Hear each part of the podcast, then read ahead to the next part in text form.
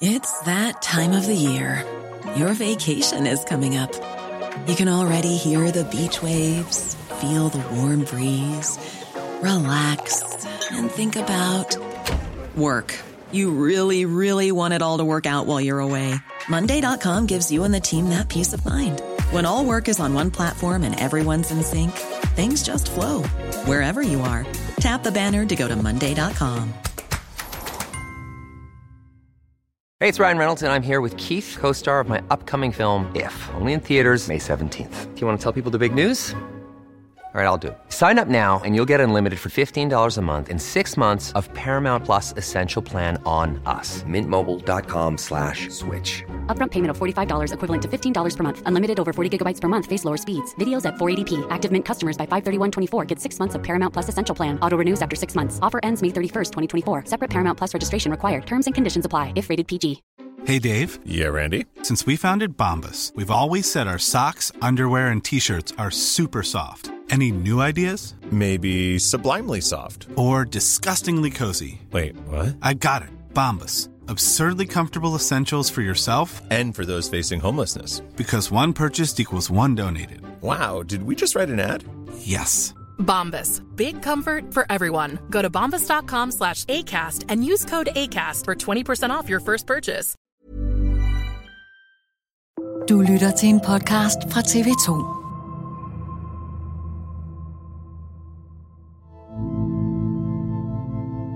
Jeg kaster ligesom noget øl ud efter den her gruppe, og siger sådan, hey, hvad fuck har I gang i? For ligesom at sige sådan, hey, her er en grænse. Jeg vil ikke finde mig i, at I bare skal gå hen og tro mig, uden at jeg kan sige fra. Og det, der så sker der, det er, der er en af dem, der så løber ind i metroen, og først giver mig en knytnæve i ansigtet og rammer mig på mit kindben, og efterfølgende så løber ud igen, fordi han er lidt stresset over, at de her metrodøre er ved at lukke, men beslutter sig så for at løbe ind en gang til, og så rammer mig en gang til i ansigtet. Og jeg har aldrig lært at slå, så jeg ved ikke, hvordan man gør. Så jeg tror bare, at jeg egentlig sådan prøver at dække mit ansigt så meget som muligt, mens min kæreste prøver at gå imellem os. Og så bliver jeg så rasende, og for at prøve at få dem væk, at jeg ligesom kaster den her glasflaske ned i jorden ude ved metroen, men selvfølgelig ned i jorden for ikke at ramme nogen. Og så kommer der nogle vagter løbende fra metroselskabet, og så lukker dørene.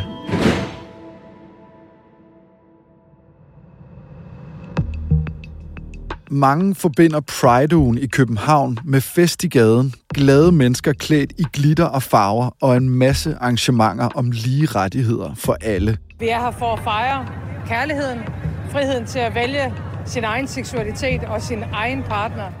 Men for Mathias Bro endte Pride-ugen med en hadforbrydelse, der viste sig med to knytnæveslag i ansigtet. Han er langt fra den eneste.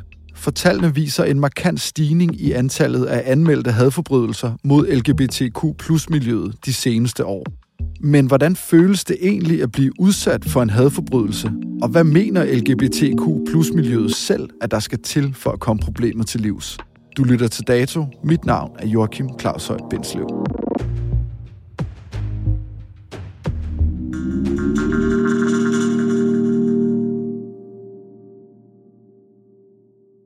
Mathias, vil du ikke lige starte med at præsentere dig selv?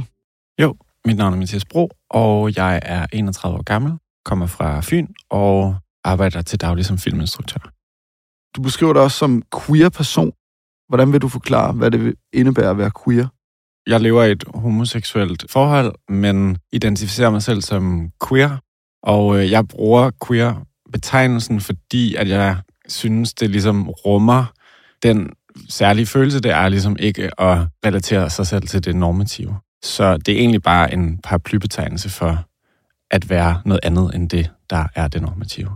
Hvordan oplever du konsekvenserne af at øh, leve som queer person? Det tog mig meget lang tid at komme et sted hen, hvor jeg var tryg ved at holde andre mænd i hånden. Nu er jeg forlovet og øh, bor sammen med min kæreste, og jeg vil rigtig gerne have, at jeg ikke skal gå ud på gaden og tænke over, om jeg kan holde min kæreste i hånden. Hvis man bevæger sig ud på gaden i dag i København, ja, så vil man med stor sandsynlighed møde øh, regnbuefarvede farver over det hele, flag og glade mennesker. Fordi i dag der bliver der nemlig fejret Copenhagen Pride. Nu er der gået nogle dage siden øh, Priden. Hvordan har du det i dag? Nu har jeg heldigvis fået det meget bedre. Jeg har føler lige, at jeg er kommet sådan på fod igen, efter at have haft en ret stor efterreaktion på det at blive overfaldet. Og har fået en mild jernrystelse, men kan ligesom godt fungere nu. Kan mærke, at det sidder i kroppen, og kan mærke, at der er mange ting, jeg skal arbejde med nu, og jeg skal have placeret det et eller andet sted i mit hoved. Men grundlæggende har jeg det bedre, så det er dejligt.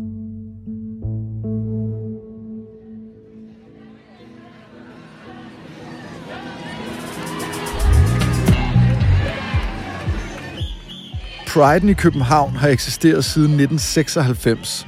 Det er en uge med optog, workshops, debatter og kulturevents, der har til formål at fejre mangfoldighed og sætte fokus på lige rettigheder for de borgere, der er en del af LGBTQ plus miljøet. Det er jo sådan en højtid, og er sindssygt hyggeligt. Solen skinner, det er varmt, folk har noget virkelig flot tøj på. For de fleste er Pride jo en kæmpe fest, og øh, man kan stå på Frederiksberg og gå med på den der rute, hvor der er en masse vogne og folk, der er klædt i glitter og flot tøj. Men du kan også vælge at gå med til Nørrebro Pride, som vi gjorde i år, som er den her mere sådan politiske Pride Walk ned gennem Nørrebro, hvor folk går rundt med flag og banner, og der er kampråb, og ja, alle er egentlig virkelig, virkelig stolte og glade, og der er en meget, meget stor følelse af, af sammenhold.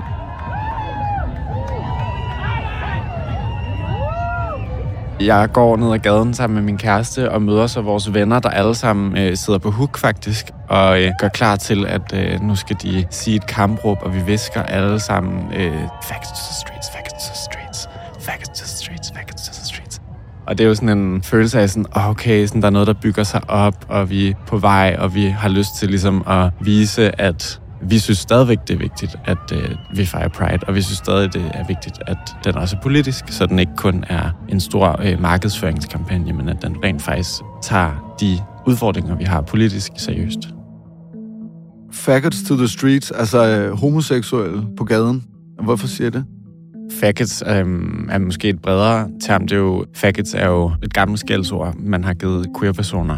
Og når vi siger faggots to the streets, så er det jo netop sådan for at claime gaden tilbage, claime altså det, der bliver brugt mod os, claime det tilbage, ikke? så andre ikke kan bruge det mod en.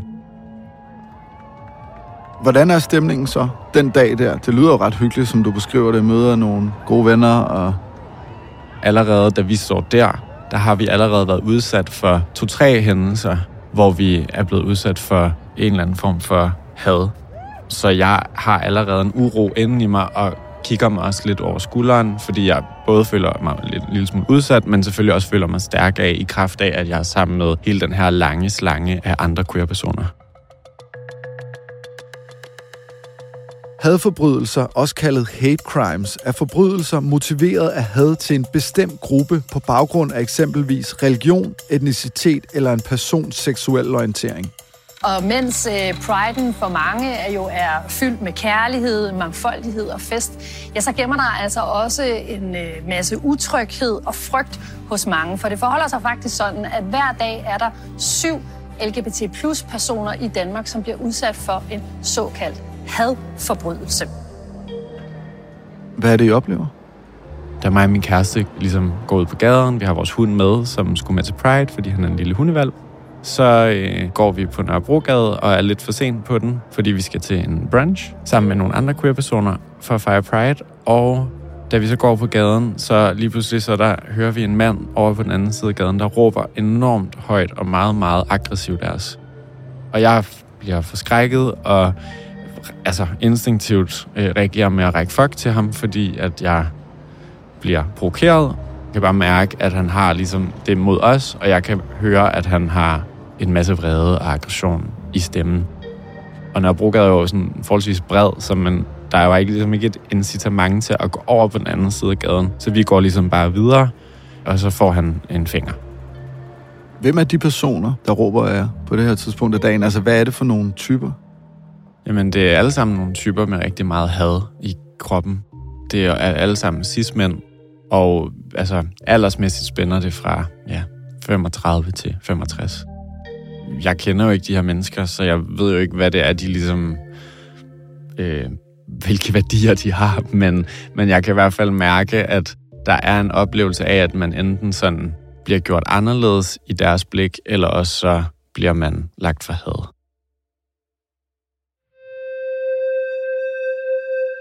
Mathias Bro fortæller, at han ofte oplever at blive konfronteret med sin seksualitet, når han går på gaden. Men til dette års Pride sker der noget, der er langt værre, end hvad han tidligere har oplevet. Da vi ligesom er færdige med Pride-dagen, og vi har været ude at feste og sådan noget, så beslutter mig og min kæreste os for at tage hjem.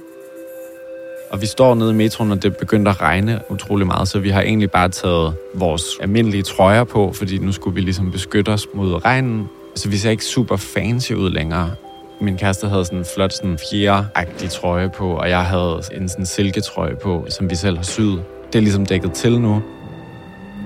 Og vi sidder i metroen over for hinanden, vi holder ikke i hånd, vi kysser heller ikke. Og vi sidder og diskuterer, hvorvidt vi skal stå af på den ene eller den anden station. Og jeg har godt registreret, at der er den her større gruppe af drenge, eller sådan unge mænd, som øh, alle sammen sidder ligesom nede i den anden ende af metroen og er iklædt alle sammen sådan sorte hættetrøjer. Normalt så kan man jo godt, du ved, have øjenkontakt med nogen, eller man kan mærke, at der er en eller anden energi, men her havde vi faktisk slet ikke nogen form for interaktion med dem. Og da vi så kommer til Københavns Hovedbanegård, så begynder de at stige ud af metroen. Men det er ligesom kun nogle af dem, for der er så en af dem, der stiller sig helt hen ved siden af os. Det føles som om, han står ret lang tid foran os, og jeg når ligesom at tænke, hmm, nu giver jeg ham lige the benefit of the doubt, og ser, hvad det er, han siger. Men det han så gør, det er, at han tager ligesom sine hænder op, former dem som to pistoler, og så skyder han os, ligesom mens han siger sådan en affyringslyd. Og det hele er meget sådan surrealistisk, og jeg føler sådan, også det går lidt langsomt, og min hjerne kan ikke rigtig forstå, hvad det er. Og pludselig kan jeg bare mærke sådan, jeg bliver virkelig bange, bliver virkelig sur, og jeg bliver virkelig skuffet også faktisk. Og så ender jeg med ligesom at løbe hen til indgangen ved metrodøren. Og jeg har den her Odense Classic glasflaske i hånden, som jeg havde haft i en hel time inden, så der er ikke super meget øl i den tilbage, men jeg kaster ligesom noget øl ud efter den her gruppe, og siger sådan, hey, hvad fuck har I gang i? For ligesom at sige sådan, hey, her er en grænse. Jeg vil ikke finde mig i, at I bare skal gå hen og tro mig, uden at jeg kan sige fra. Og det, der så sker der, det er, der er en af dem, der så løber ind i metroen, og først giver mig en knytnæve i ansigtet og rammer mig på mit kindben, og efterfølgende så løber ud igen, fordi han er lidt stresset over, at de her metrodøre er ved at lukke, men beslutter sig så for at løbe ind en gang til, og så rammer mig en gang til i ansigtet.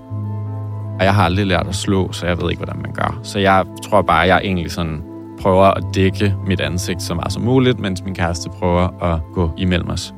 Og så bliver jeg så rasende, og for at prøve at få dem væk, at jeg ligesom kaster den her glasflaske ned i jorden ude ved metroen, men selvfølgelig ned i jorden for ikke at ramme nogen.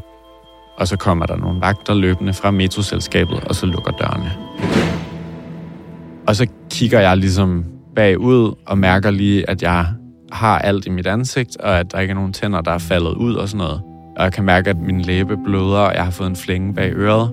Og så kigger jeg ned i metroen, og så er der seriøst ingen, der reagerer. Og det var ikke, fordi det var en fuld metro, men der var alligevel mennesker. Og jeg bliver så stiktosset over den passivitet, der er i metroen, at jeg bare råber, I skal tage jer fucking sammen. Fordi vi har lige været udsat for et overfald, og det er ikke fordi, at man skal gå ind i en fysisk slåskamp. Det forstår jeg godt, hvis man ikke tør eller ikke har lyst til. Men som minimum kom hen og sige, what, are you okay? Eller det så godt nok vildt ud, eller hvad skete der, eller skal vi ringe til politiet? Men folk sidder bare og passer deres eget. Og det samme var det også på gaden, da vi gik. Vi bliver råbt af, og der er ingen, der siger noget. Og man kan godt se det jo. Der er jo mange mennesker der. Så det er virkelig en opfordring til alle, der ligesom ser overfald mod LGBTQ plus personer i offentligt regi, som minimum kom hen og spørg, om de er okay bagefter. Det er ikke kun vores problem, det er alles problem, det her. Hvor sikker er I på, Mathias, dig og din kæreste forlovet, at det handler om, hvordan I ser ud? De kunne bare have valgt nogle andre. Altså, men han skulle tro os, eller sådan, vi havde slet ikke haft nogen kontakt. Og altså, jeg har sådan nogle lange flætninger i håret, og min kæreste har sådan noget flot bølget hår, og sådan. Og vi ser jo på en eller anden måde en lille smule anderledes ud, end måske de fleste gør. Så jeg tolker meget tydeligt, at det her, det er en hadforbrydelse. Fordi den trussel, hvor han kommer hen, stiller sig og skyder os begge to, det er ham, der siger, så nogen som jer, I skal ikke have lov til at være her.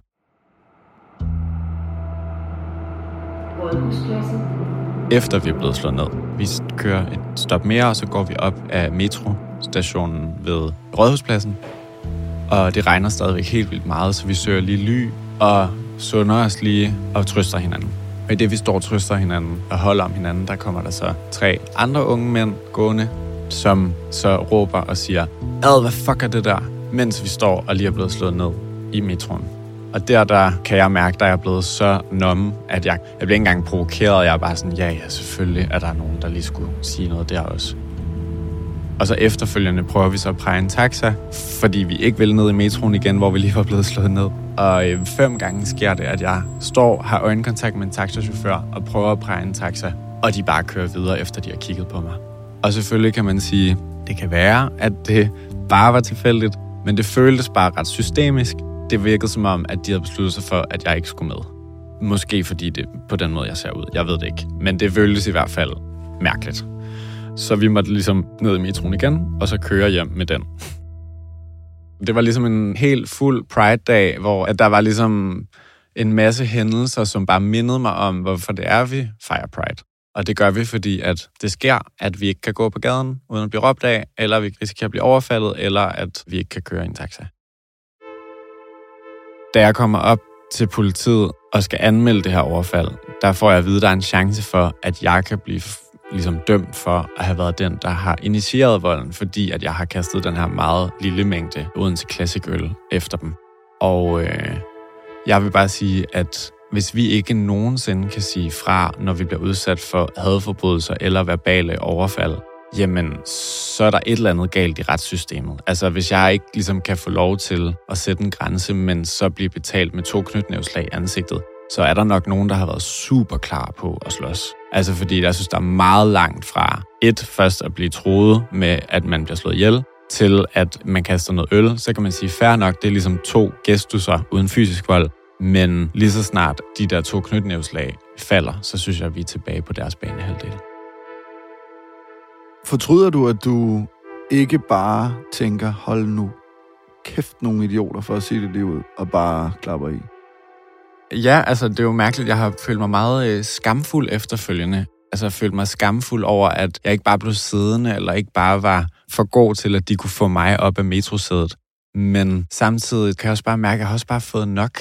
Altså, jeg gider ikke længere at finde mig i, at nogen skal kunne tro mig, eller nogen skal råbe af mig, uden at jeg må sige fra. Så på en måde er jeg stolt over, at jeg får sagt fra, men jeg er selvfølgelig vildt ked af, at det skulle komme så langt, både for min egen skyld, jeg havde ikke lyst til at blive slået i hovedet, men også fordi min kæreste selvfølgelig også blev bange. Jeg sætter også min kæreste i fare i det øjeblik, fordi jeg bliver vred. Men jeg har en meget udadreagerende måde at reagere på, når der er noget, der er uretfærdigt.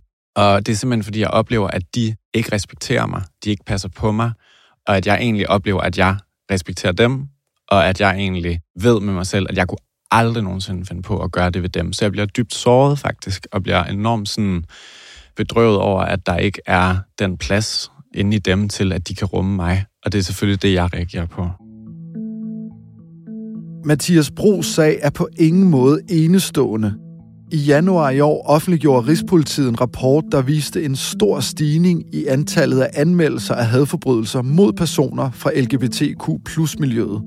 Antallet af anmeldelser er steget fra 79 i 2020 til 102 i 2021. Alle mine venner har historier om enten at blive overfaldet eller råbt af, spyttet på, mobbet. Altså det er nærmest, jeg vil sige, det er nærmest alle LGBTQ plus personer, jeg kender, som har historier, som de har. Så er der selvfølgelig nogen, der har endnu flere, og jeg vil sige, jeg oplever i hvert fald måske en gang om måneden, at der sker et eller andet, som er, har en mere voldsom karakter. Og så er der selvfølgelig alt det subtile, der ligger nedenunder, som bare er netop blikke eller små kommentarer eller andet, som man ligesom også har lært sig at, at værne sig imod.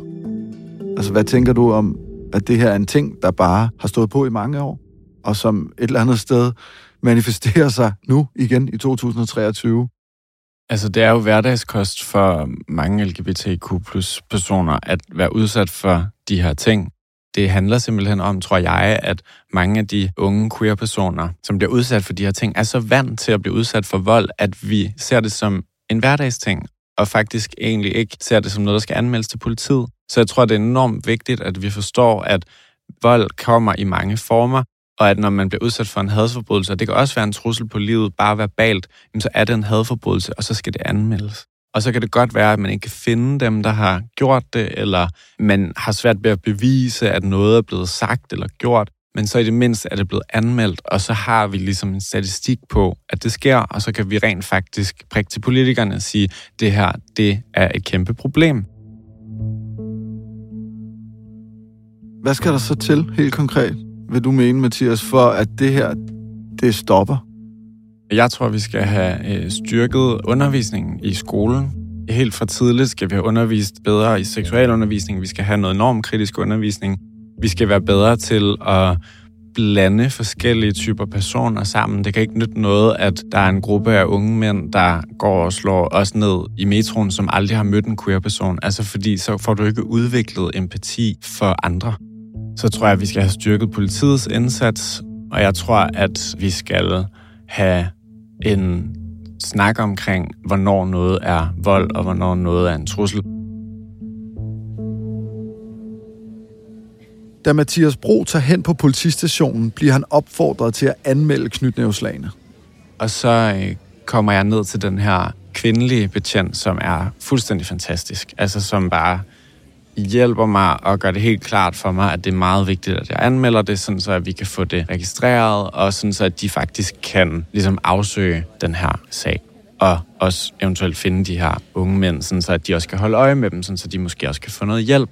Og det er ligesom, som hun sagde, alt den empati, du udvikler her, og den her tvivl, det er nogle helt klassiske symptomer og øh, måder at reagere på, efter man har været udsat for en, en voldsforbrydelse. Og særligt, hvis man er et helt almindeligt menneske, som bare er empatisk. Man kan sige, at jeg havde en blandet oplevelse hos politiet, men den endte virkelig god. Fordi at der var den her kvindelige betjent, som var så opmærksom på, at den havde hadforbrydelse er meget, meget øh, alvorlig. Jeg lægger mærke til, Mathias, at du bruger ordet, jeg håber, at de her gutter, hvor den ene af dem slog mig i hovedet to gange, kan få noget hjælp. Mm. Det er ikke den der hævn-strafreaktion, du taler om. Hvad er det, du mener? Jeg oplever, at den unge mand, der slår mig i hovedet, går rundt med en masse smerte. Og jeg oplever, at når han ser mig, så er der noget i ham, der bliver trigget. Der er en eller anden smerte i ham, der bliver trigget. Måske fordi han kan genkende noget i mig, som gør, at han føler, der ikke er plads til ham. Et eller andet. Der er en eller anden ting, der gør, at han har brug for at tro mig. Og jeg ved godt, at det handler ikke om mig. Det handler om et symbol, eller det handler om et billede eller en spejling. Så jeg håber, at den smerte, han har inde i ham, at han kan finde en plads til den. Og jeg vil enormt gerne have, at de får noget hjælp. Ligesom når folk råber af mig på gaden, så ved jeg også godt, det handler ikke om mig, det handler om noget inde i dem selv. Altså, jeg har engang prøvet, Mathias, at blive klasket ned, da jeg var 14-15 år gammel. Det var virkelig ubehageligt. Det var ikke det, jeg tænkte. Kan jeg vide, hvordan de sidder og spiser aftensmad derhjemme? Altså, hvad er det? Hvor kommer det fra? At du har den der tilgang til det, altså efter at du reagerer impulsivt, måske aggressivt tilbage i situationen, fordi du har fået nok? Hvis jeg skal håbe på, at noget ændrer sig i samfundet, hvis jeg skal håbe på, at det bliver tryggere for queer-personer at gå på gaden, så bliver vi simpelthen nødt til at se på mennesker som mennesker. Fordi de bliver alt for farlige og alt for skitseagtige, hvis det er, at det kun handler om hævn, og hvis det kun handler om retfærdighed. Men hvis jeg forstår den smerte, som min voldsperson har inde i sig, så bliver han faktisk mindre farlig. Der er så mange meget menneskelige, humane tilstande, som gør, at vi lander et sted, hvor vi slår nogen ned, eller at vi råber af nogen, eller at vi får bygget had op i vores krop. Og jeg synes, det er vildt synd, at han højst sandsynligt ikke har ressourcer til efterfølgende at komme til terapeut, eller få en kropsbehandling, eller overhovedet snakke om det. Jeg har jo alle ressourcerne til at komme videre, men jeg har da ikke bedt om i den situation, at jeg skal til at aktivere alle de der ressourcer, for jeg vil meget hellere passe mit arbejde, i stedet for at sygemelde mig selv i en uge. Så derfor har jeg meget empati, men den empati må bare ikke blive misforstået med, at jeg skal stadig forstå, at jeg er blevet udsat for noget voldeligt, og jeg skal stadigvæk igennem et retssystem. Og heldigvis er retssystemet jo ret sort-hvidt på nogle punkter, så jeg behøver slet ikke at bruge så meget tankeenergi på at skulle sidde og have empati for ham. Selvom antallet af anmeldte hadforbrydelser mod LGBTQ plus miljøet er steget markant de senere år, så er der ifølge politiet et stort mørketal, der gør det svært at sige, om det er en stigning i voldsepisoder eller kun anmeldelser, det handler om. Derfor er det vigtigt for Mathias Bro at tale højt om problemet. Vi bliver nødt til at synliggøre i gadebilledet, at alle er ikke som alle er. Og altså, jeg har fået en del kommentarer efterfølgende på mine udtalelser omkring den her hadforbrydelse, og øh, der var blandt andet flere, der har sagt, at øh, det er ikke fordi, de har noget imod bøsser, men de kan ikke forstå, hvorfor de skal blive ved med at snakke om deres seksualitet og fylde så meget. Og det skal vi heller ikke, når verden den ikke længere øh, har et problem med os. Så, så indtil da, så må vi jo så snakke om det. Og når du skriver sådan en kommentar, jamen, så er der jo stadig et problem. Og så snakker vi bare lidt mere om det igen.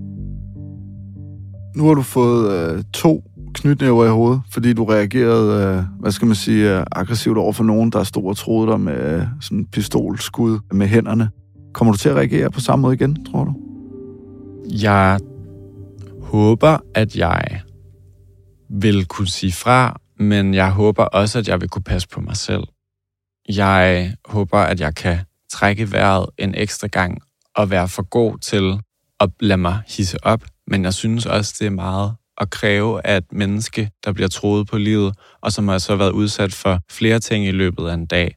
Jeg synes egentlig, det er ret fair, at man får sagt fra, og at man reagerer, og at man skal regne med, at hvis du tror nogen, så møder du jo også min frygt i en meget rå form. Men hvis du kommer hen og er nysgerrig og stiller mig nogle spørgsmål, eller har lyst til at lære mig at kende, så kan jeg meget bedre møde dig, også med en nysgerrighed og prøve at forstå, jamen, hvad er det, du ligesom ikke rummer ved mig, eller hvad er det, jeg ikke rummer ved dig, så kan vi have en samtale, og så kan vi jo måske faktisk finde et fodfæste sammen. Skal du til Pride næste år? Mathias? Ja, selvfølgelig skal det. Glæder du dig? Ja. Jeg synes, at det er enormt vigtigt, at vi holder fast i, at Pride er politisk. Og jeg har egentlig ikke lyst til, at queer-personer, queer-kroppe, queer-seksualitet, at det skal være politisk, fordi det er det egentlig ikke. Altså, det at være queer er bare noget, man er. Det er egentlig bare en fuldstændig universel oplevelse af at være menneske. Men fordi vi har en kultur, hvor at det falder uden for det normative, så bliver det et politisk emne. Og det er fucking frustrerende, at ens krop skal politiseres. Jeg gider ikke, at nogen skal diskutere homoseksualitet, fordi jeg er bare sådan her. Jeg har ikke selv valgt det. Men jeg er bare sådan her lige så meget, som du er noget andet, eller du er det samme. Mathias Bro, tusind tak, fordi du kom og fortalte din øh, historie. Tak. Dagens program er tilrettelagt af Emma Katrine Bjerre. Ida Skjærk står for Lyddesign. Astrid Louise Jensen er redaktør, og mit navn er Joachim Claus Høj Bindslev. Hvis du kan lide, hvad du hører, så husk, at du kan følge Dato der, hvor du lytter til din podcast.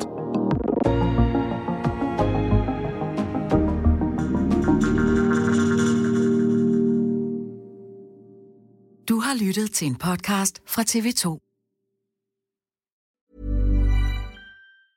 Hey, it's Paige DeSorbo from Giggly Squad. High quality fashion without the price tag. Say hello to Quince.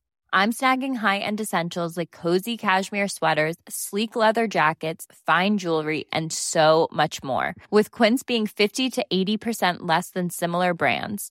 And they partner with factories that prioritize safe, ethical, and responsible manufacturing. I love that. Luxury quality within reach. Go to quince.com slash style to get free shipping and 365 day returns on your next order. Quince.com slash style.